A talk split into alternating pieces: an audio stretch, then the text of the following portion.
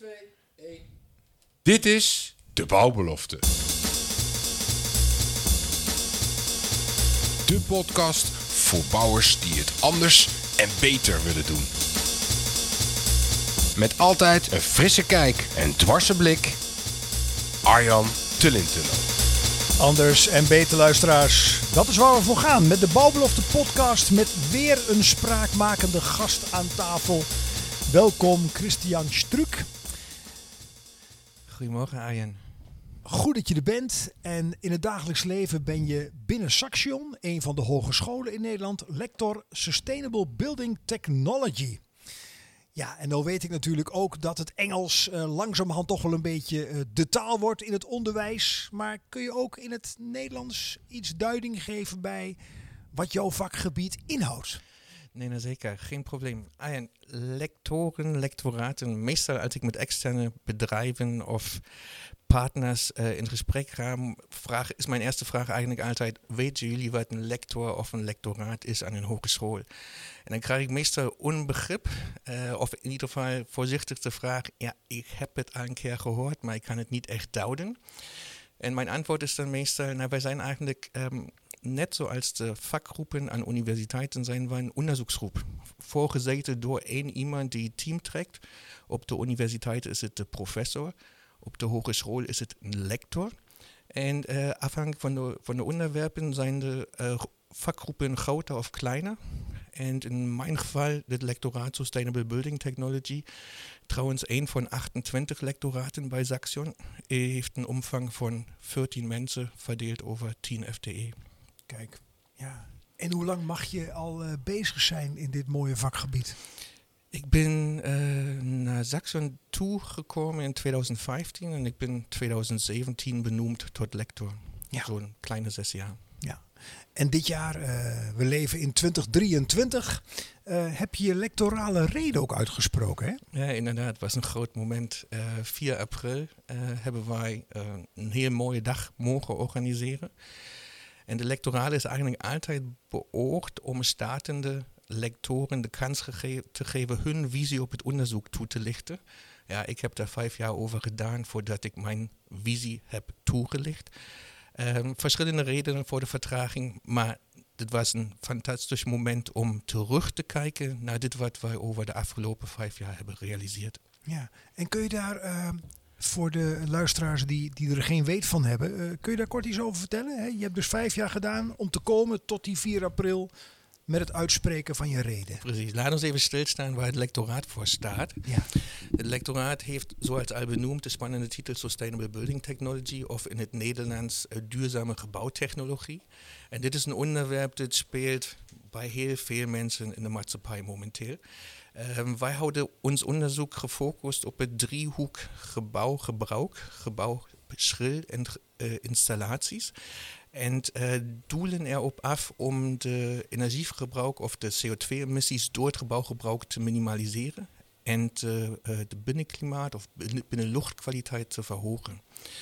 En uh, dit doen wij op veel, veel verschillende manieren. Wij werken uh, op Europees vlak, wij werken landelijk, uh, wij werken regionaal, zelfs lokaal. En dit heeft eigenlijk ook onze aandacht uh, ons hoofdaandacht, omdat het regionaal gefocuste onderzoek een van de kernopdrachten is voor praktijkgericht onderzoek gevestigd aan hogescholen. Ja, en, en dat regionale, welke regio praten we dan over? Dan hebben we het over Twente, in de breedste zin Overijssel, maar wij doen ook projecten met uh, Drenthe en met Gelderland. Uh, wij zijn eigenlijk in die opzicht behoorlijk flexibel, afhankelijk van waar de vraag vandaan komt, zijn wij in staat om daarop te reageren. Ja, ja.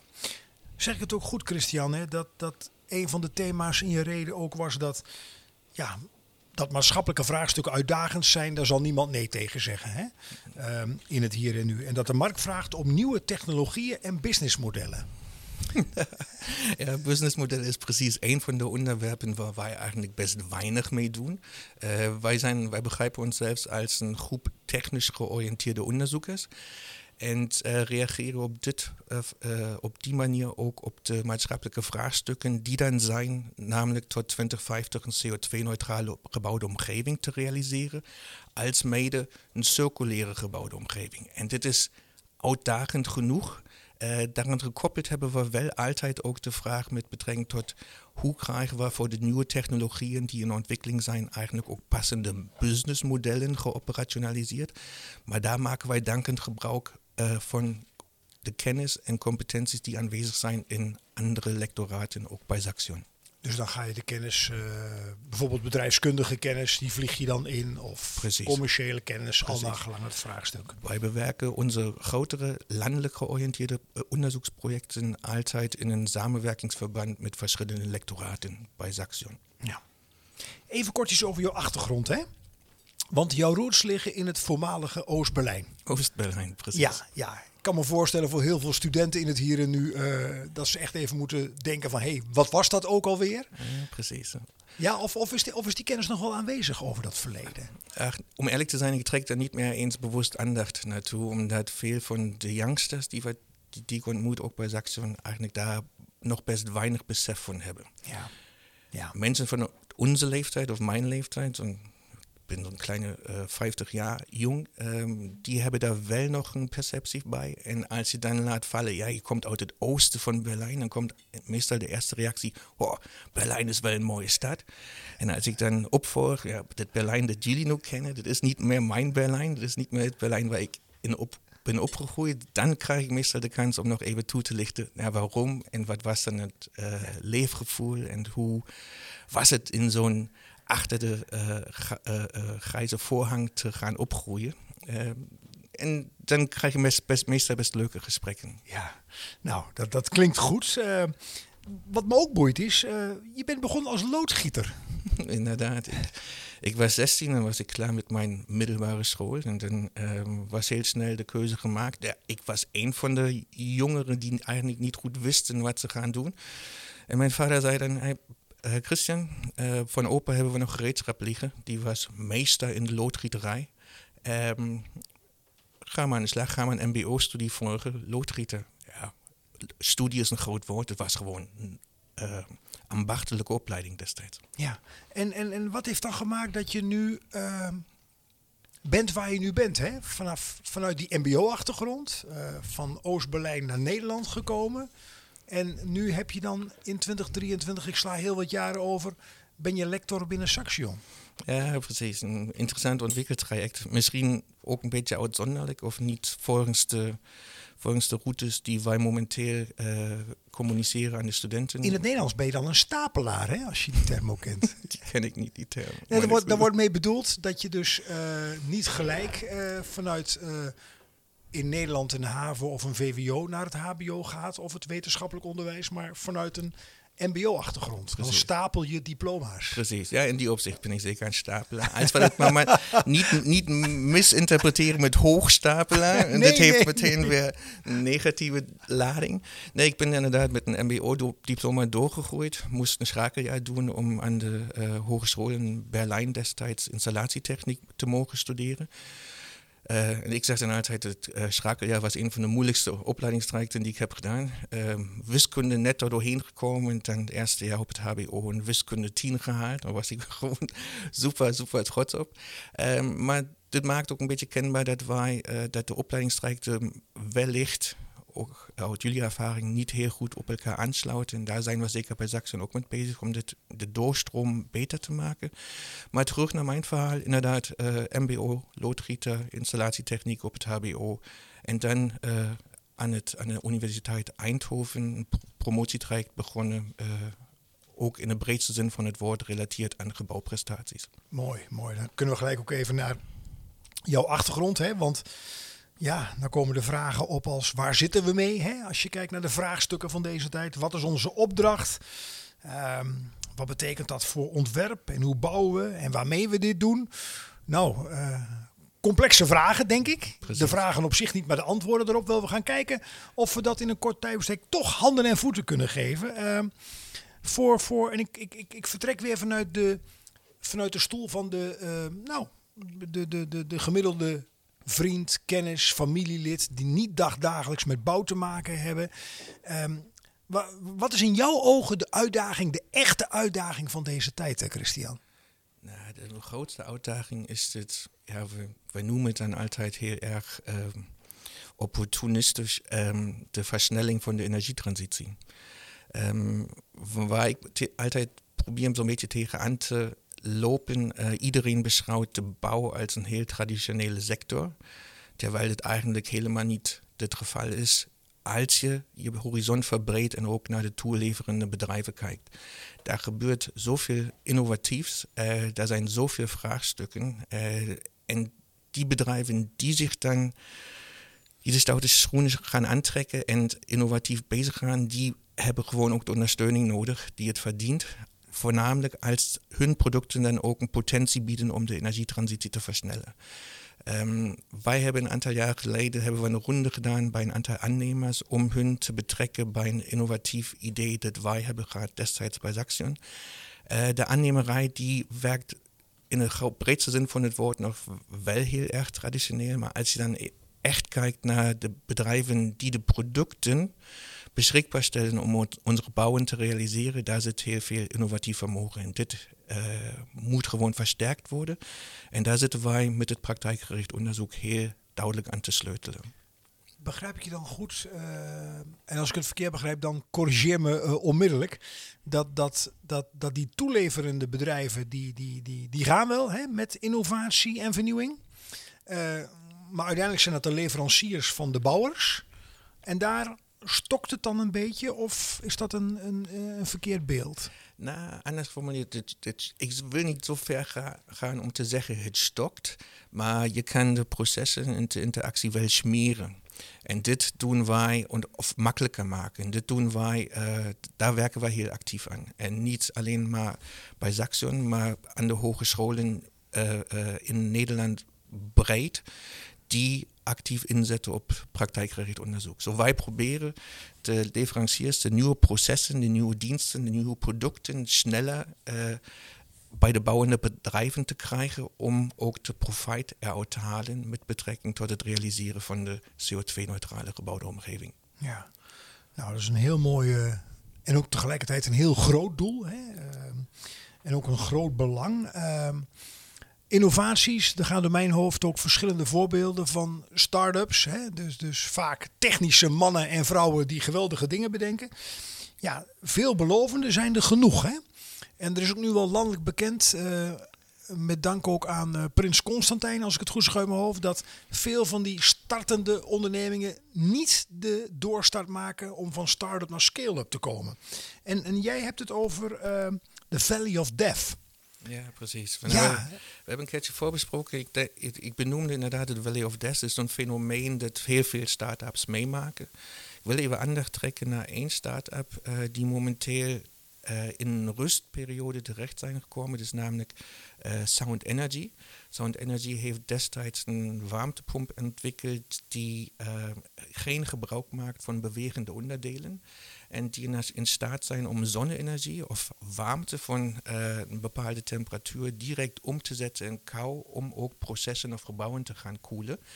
En uh, zij hebben een aantal interessante investeerders gehad. Ze hebben een fase van groei doorgemaakt, maar in verband met uh, ja, een aantal uitdagingen, bijvoorbeeld ook dan werd het on ontbrekende capaciteit financieel gezien, zijn zij nu in een rustfase beland, die eigenlijk niet toepasbaar is. Of anders geformuleerd, die Technologie die ze ontwikkelen, zou op heel veel manieren toegepast kunnen worden. Alleen voelen we dan heel erg sterke terughoudendheid in de toepassing uh, van, de marktpartijen. En, en dan betekent dus, um, dat houdt in, er is dus geld nodig om het maar klein te maken. En tegelijk uh, is het ook complex. En dat zie je dus niet alleen in, in, in, in jouw tak van sport, maar overal. Heeft dat iets te maken met, met, met onze mentaliteit als Nederland? Als je kijkt naar het werkelijk durven investeren in, in risicodragende initiatieven. Goeie vraag, Arjen. Ik durf, kijk, ik ben zelf geen Nederlander. Zo, dit geeft mij een heel makkelijke uitweg om die vraag niet te moeten beantwoorden. maar ik ben ook geen econoom. Uh, ik heb te weinig besef van, van de fiscale uh, randvoorwaarden hier in Nederland.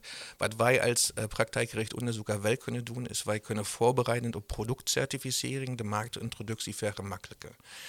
wij zijn aan hogescholen ook hebben wij labinfrastructuur infrastructuur beschikbaar. Wij zijn geen certificerende instelling, maar wij kunnen voorbereiding op de certificering wel uh, randvoorwaarden creëren die de certificering goedkoper en uh, sneller mogelijk maken.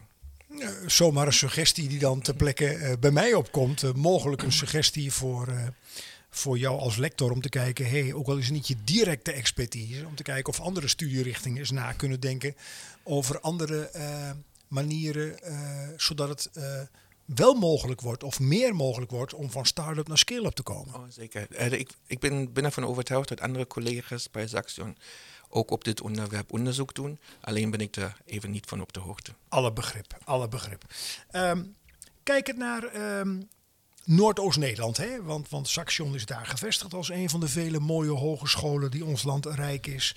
Dat Smart Tiny Lab, uh, dat bestaat ook al, hè? Ja, dat bestaat nog een aantal jaar, precies. Ja. En daar zijn we super trots op. Uh, Smart Lab is een beetje een vreemde naam voor eigenlijk een lab voor gebouwtechnologie of integreerde gebouwtechnologie. Is het een soort speeltuin voor nieuwe technologie? Ja, zeker. zeker. Kom maar met je ideeën. En wij zetten het erin, wij meten het even door, wij beoordelen wat jouw technologie, jouw innovatieve producten kunnen betekenen voor de Nederlandse markt.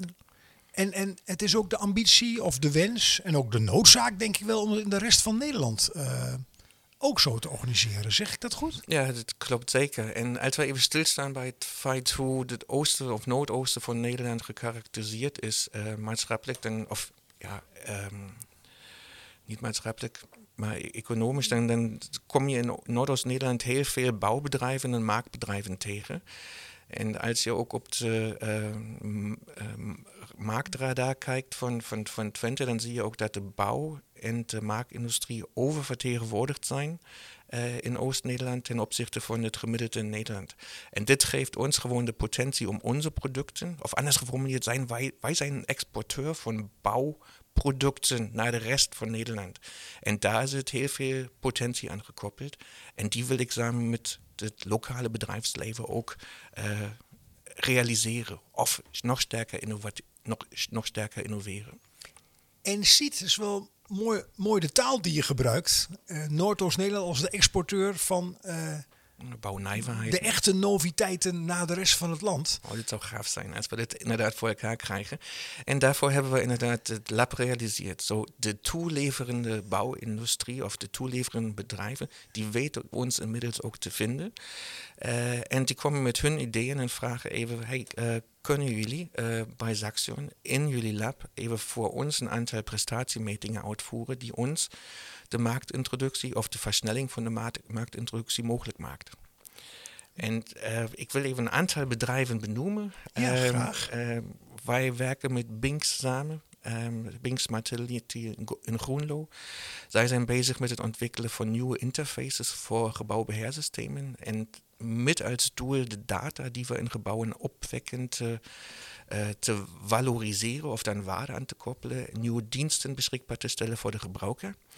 Uh, wij werken we samen met de Grootvroom's Hoop. De Grootvroom's Hoop is een leverancier van houtskeletbouwelementen. Zij leven heel erg met de vraag... moeten wij doorgaan met dampdicht bouwen? Uh, zo wanden dicht maken voor de waterdampdiffusie? Of is ook een wand zonder waterdampremmende folie een mogelijkheid binnen onze klimatische omstandigheden? Wij werken samen met bedrijven zoals Eaton en Microgrid Solutions aan het beoordelen van de potentie van gelijkstroomnetten in, in onze gebouwen, omdat we dan natuurlijk ook uh, de conversieverliezen tegengaan die we hebben als we gelijkstroom, dit we met onze PV-panelen opwekken, converteren naar wisselstroom en dan weer met gelijkstroom onze eindapparaten voeden. Uh, wij werken samen met um, bedrijven zoals Twickel, die bezig zijn met de ontwikkeling van nieuwe sensoren om de echte hoeveelheid aanwezigen in ruimtes te monitoren in echttijd. Wij werken samen met BR Controls, die moet je niet vergeten. Dat is een leverancier van gebouwbeheersystemen. Uh, ze hebben niet alleen de sensoriek in huis, maar ook de controllers om de gegevens naar de clouddiensten beschikbaar te stellen, die we dan weer kunnen gebruiken om met slimme algoritmiek onze installaties te sturen. Uh, wij werken samen met Winkels Techniek in Enschede, die zich bezighouden met hun installaties duurzamer en energieefficiënter te, te, laten worden.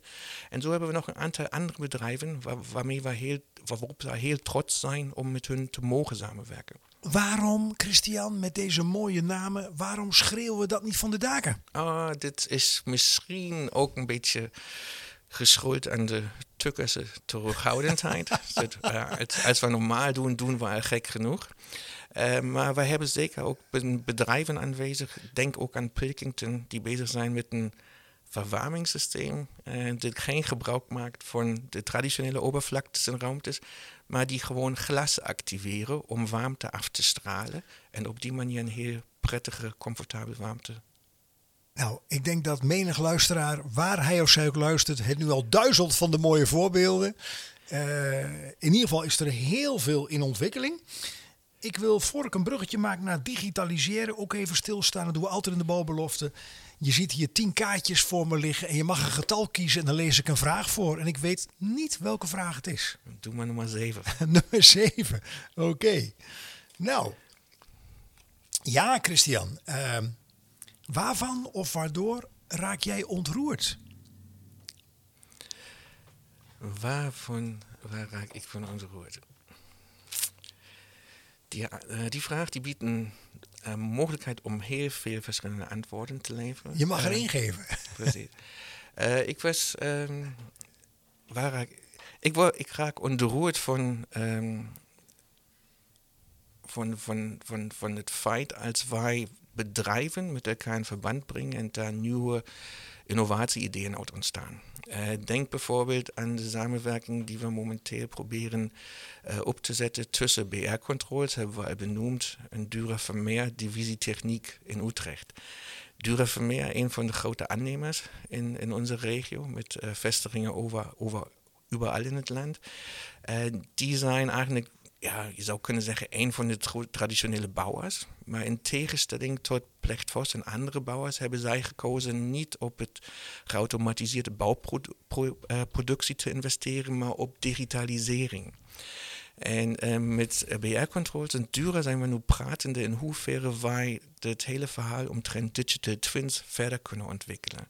Ik heb laatst op, volgens mij op LinkedIn um, zo'n zo grappige visualisatie gezien van iemand die uh, ergens uh, tegenaan kijkt en zegt: dit is, een, dit is een digital twin. Dan wordt het capuchon afgetrokken en dan is het eigenlijk computer-aided design of computer-aided uh, manufacturing. En dan denk je: ja, een digital twin, hoe definieer je dit en hoe breng je het verder? Die twee partijen zijn namelijk bezig om de aannemer, de bouwende partij, de mogelijkheid te geven niet alleen maar het fysische object te overhandigen aan de klant, zo niet alleen maar het gebouw beschikbaar te stellen, maar parallel ook een werkende, uh, slimme, digitaal model van het pand waarin dit ook toepasbaar is voor facility management. En, en dat, dat raakt je dan zo? En dit raakt mij dan, omdat het precies in het verlengte is ook van mijn geschiedenis, installatietechniek. Uh, gebouwsimulatie. En als je dan daar ook nog artificial intelligence aan koppelt, zou je denk ik heel mooie stappen kunnen maken om gebouwen echt slim te maken. Nou, die hou ik even vast voor het brugje zometeen naar digitalisering. Ehm, ja, nog een paar vragen om jou wat beter te leren kennen. Ben je rommelig of opgeruimd? Mijn vrouw, mijn voormalige vrouw zegt altijd, uh, ik ben opgeruimd. Maar ze heeft altijd te maken met welke referentie je hanteert. Hè?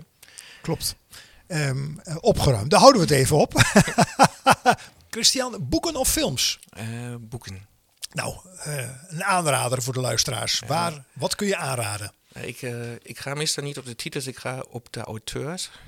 en Baldacci is de laatste die ik gekocht heb. Um, meestal is het een thriller. Um, ik durf de titel niet te benoemen. Als ik er doorheen ben, dan laat ik het wel weten. Wel hou ik lijsten bij om te, achter, om te voorkomen dat ik boeken twee keer koop. Ik snap hem. Net voor we die vragen stelden, Christian, ehm, had ik wel over digitaliseren. Hè? Mm ja, uh, je zegt heel duidelijk, zonder dit redden we het niet. Nou, iedereen heeft het erover. Er gaat geen congres voorbij, geen symposium, geen talk misschien ook wel, of het nou een TED-talk is of een podcast, maakt niet uit, digitaliseren.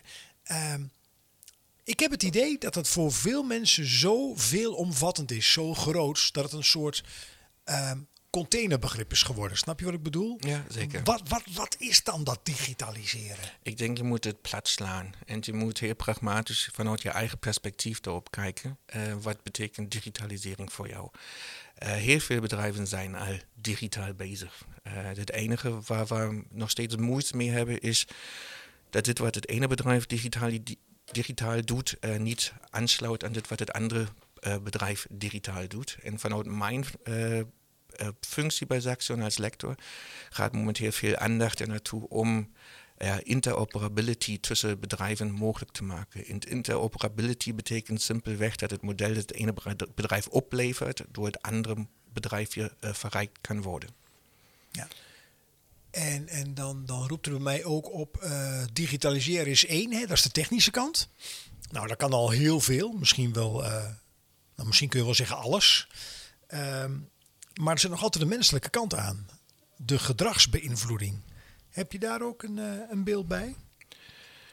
Ja, ik heb daar een best duidelijk beeld bij. Of anders geformuleerd, ik denk, wij zijn op als, als we techniek laten sturen uh, digitaal, dan gaan we momenteel de verkeerde kant op.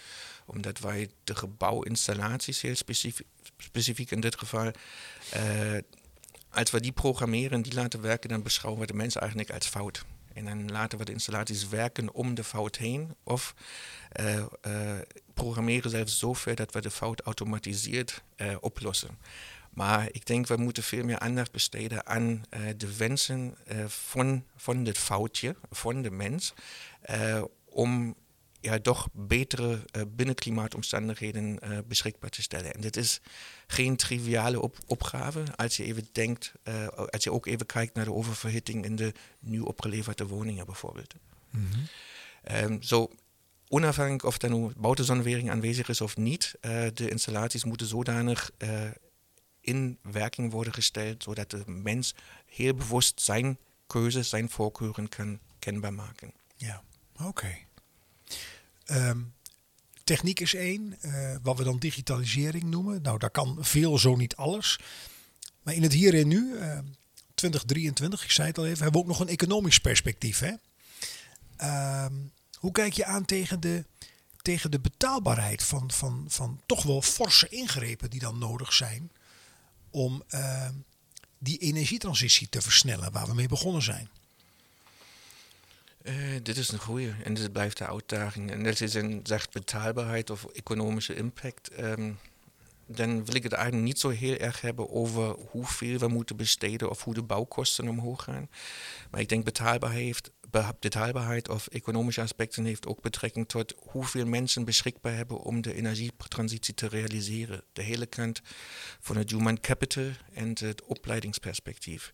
En daar timmeren we al behoorlijk aan de weg. Uh, ik ben niet zeker of begrippen zoals learning communities al bekend zijn. Mm -hmm. Learning communities zijn eigenlijk constructen waarmee we eigenlijk proberen kennis en competenties direct on the job uh, in de markt te zetten. En dit zijn meestal groepen van vaklieden, uh, aangevuld met een aantal onderzoekers, aangevuld met een aantal uh, docenten van welke kennisinstelling dan ook, die de mensen in het werkveld direct terzijde staan om praktijkproblemen op te lossen. Of uh, samen oplossingen te ontwikkelen. En op die manier ook de kennisoverdracht vanuit, vanuit de kennisinstellingen naar de praktijk te versnellen. En dan nou, nou het, het, het, het, het, de term handentekort, hè? Nou, geen, geen sector, geen branche uitgezonderd. Um, dan, dan, dan lees je in de media toch veel over dat uh, er te weinig instroom is in de technische beroepen. Uh, bijvoorbeeld elektromonteurs of loodgieters of nou ja, bedenk het maar.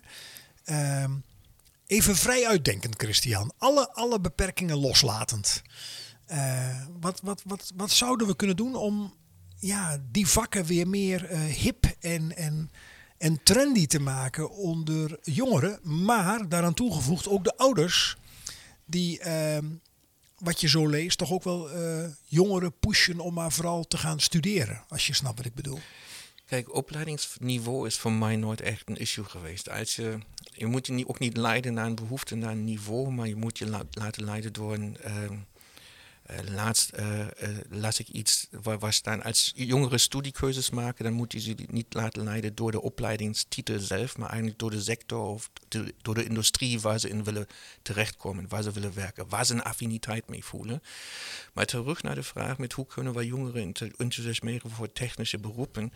Ik denk... Uh, ja, en ook ouders hè, in het kielzog. Ja, laat die ouders even voor wat het is. Ik denk, okay. uh, veel van de ouders die worden gewoon worden alleen maar blij als, als, als de jongeren met ideeën komen waar ze zelf naartoe willen. Ik ben misschien eigen, vanuit eigen ervaring, ik heb een 19-jarige zoon, die heeft net zijn uh, VWO-diploma gehaald en moest een keuze maken voor een vervolgstudie. En de traject dat je dan doorloopt is eigenlijk door dingen te laten afhaken of afvallen waar je denkt, ook waar hij dan denkt, uh, dit is niet voor mij geschikt. En dan moet je op een moment een keuze maken vanuit die, vanuit die mogelijkheden die nog in het potje zitten te rommelen. En daar is hij op een moment uitgekomen. Ik kan pas, uh, ik kan pas over een jaar, denk ik, goed aangeven of dit ook de de, de studie is die, die inderdaad bij hem past. Maar dus, hij heeft, in ieder geval was hij in staat om een eigen keuze te maken. Maar nog een keertje terug naar de keuze zelf. Ik denk, ouderen of de elders, of de ouderen die. Um, sorry, ik wilde de ouders, die volgen meestal uh, dit, uh, die ideeën van de jongeren. Uh, wel moeten we aanhaken op de communicatiekanalen die de jongeren gebruiken om een zelfbeeld, een beeld van zichzelf te formuleren. En wat bedoel je daarmee? Dat is interessant. Kijk naar heel veel geen idee. Heb jij een. Uh, zit jij op Insta? Um, een beetje. Uh, er zijn heel veel verschillende kanalen zoals deze. Noem, noem TikTok, noem een beetje kritisch in het nieuws.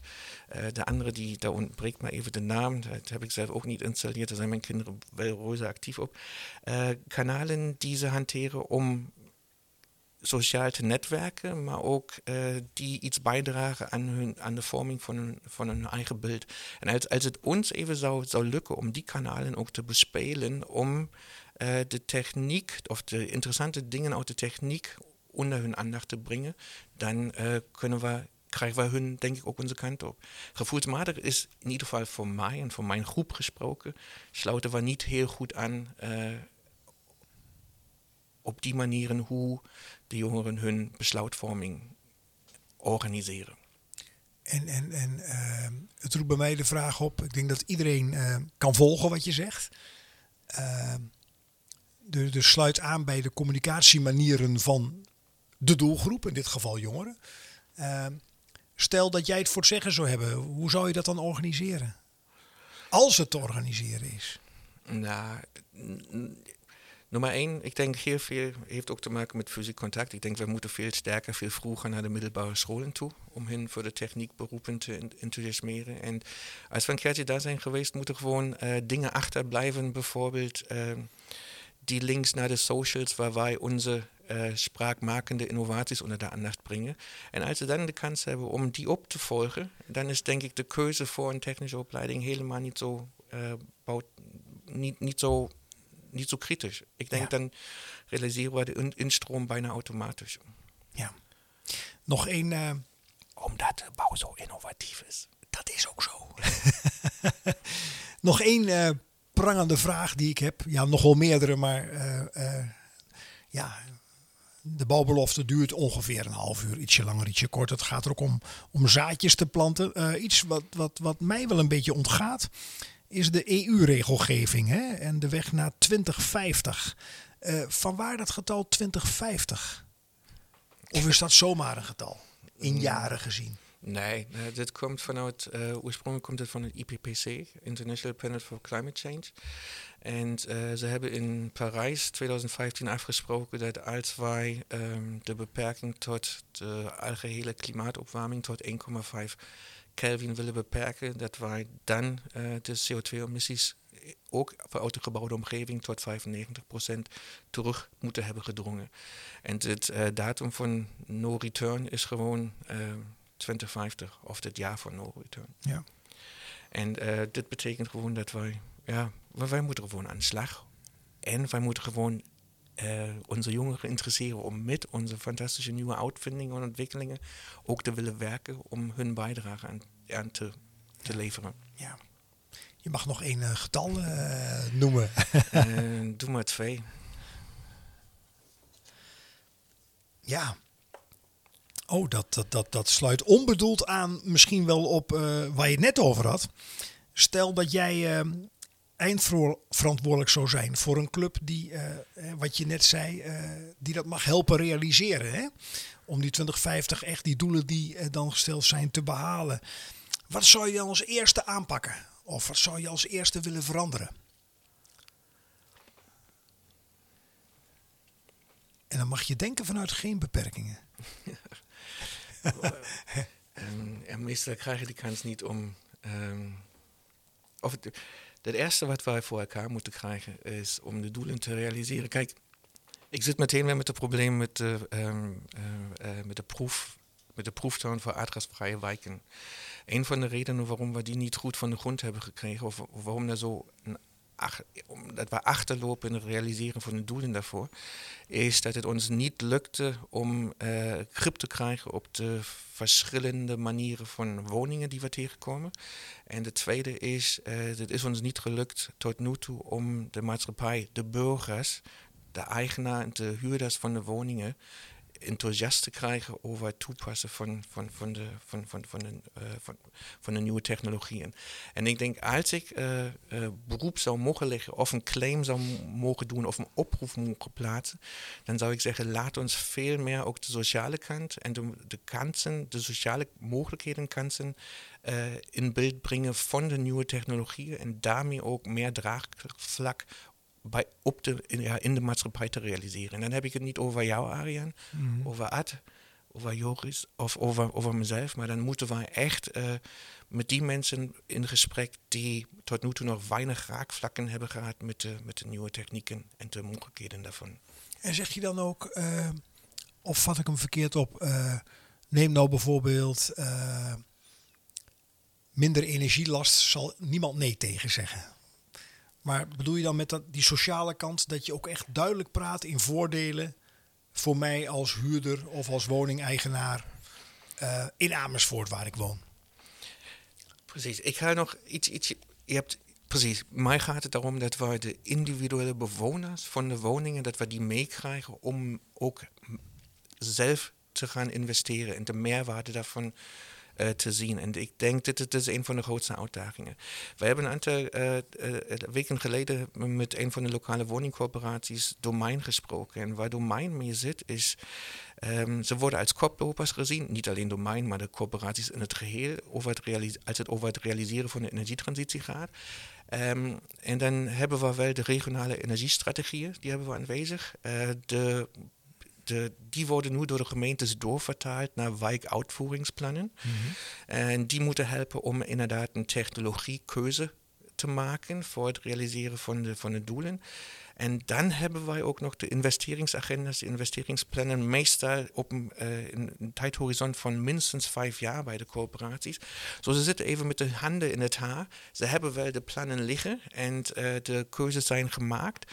Maar als je dan bijvoorbeeld kijkt naar wijken zoals Twekkelerveld en Enschede, die eigenlijk als pilootwijk is aangewezen, daar heb je dan uh, zijn 3000 woningen uh, gespikkeld bezit, drie, vier corporaties, heel veel particuliere eigenaren.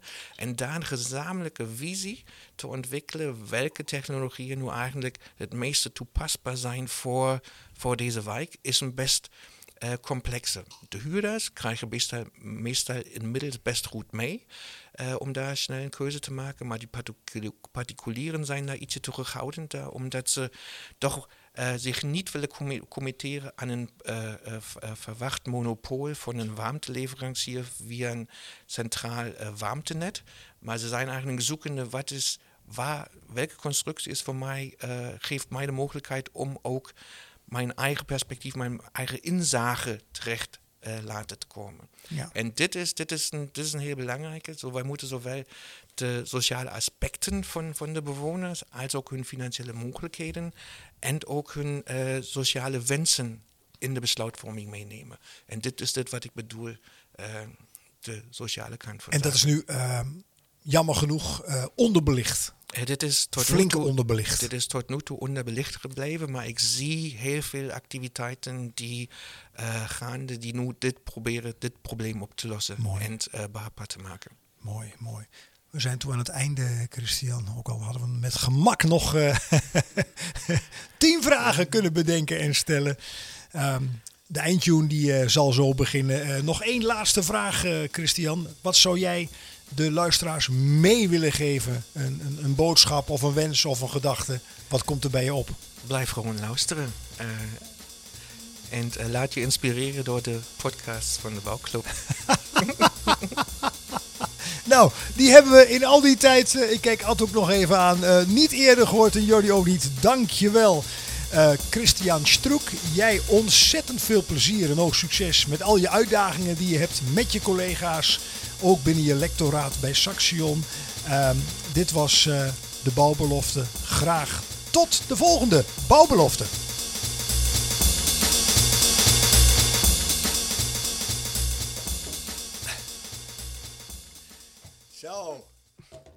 Dankjewel.